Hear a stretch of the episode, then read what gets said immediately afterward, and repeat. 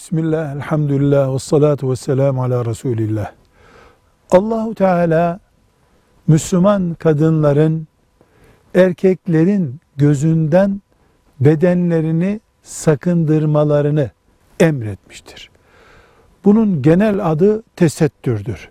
Tesettür kadının gözlerden korunması demektir. Bakmak istese de, görmek istese de erkeğe engel getirmek demektir.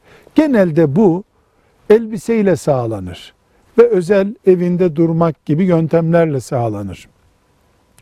Bir kıyafet kadının bakıldığında kadınlık yönünden erkeğin etkilenmesini engellemiyorsa veya bir yürüyüş tarzı, bir el sallama tarzı, camdan bakış tarzı erkek için kadına alakayı artıracak bir yürüyüş, tarz ortaya çıkarıyorsa bu mevcut elbiseye rağmen Peygamber sallallahu aleyhi ve sellem Efendimiz giyinmiş çıplaklar ifadesini kullanmaktadır.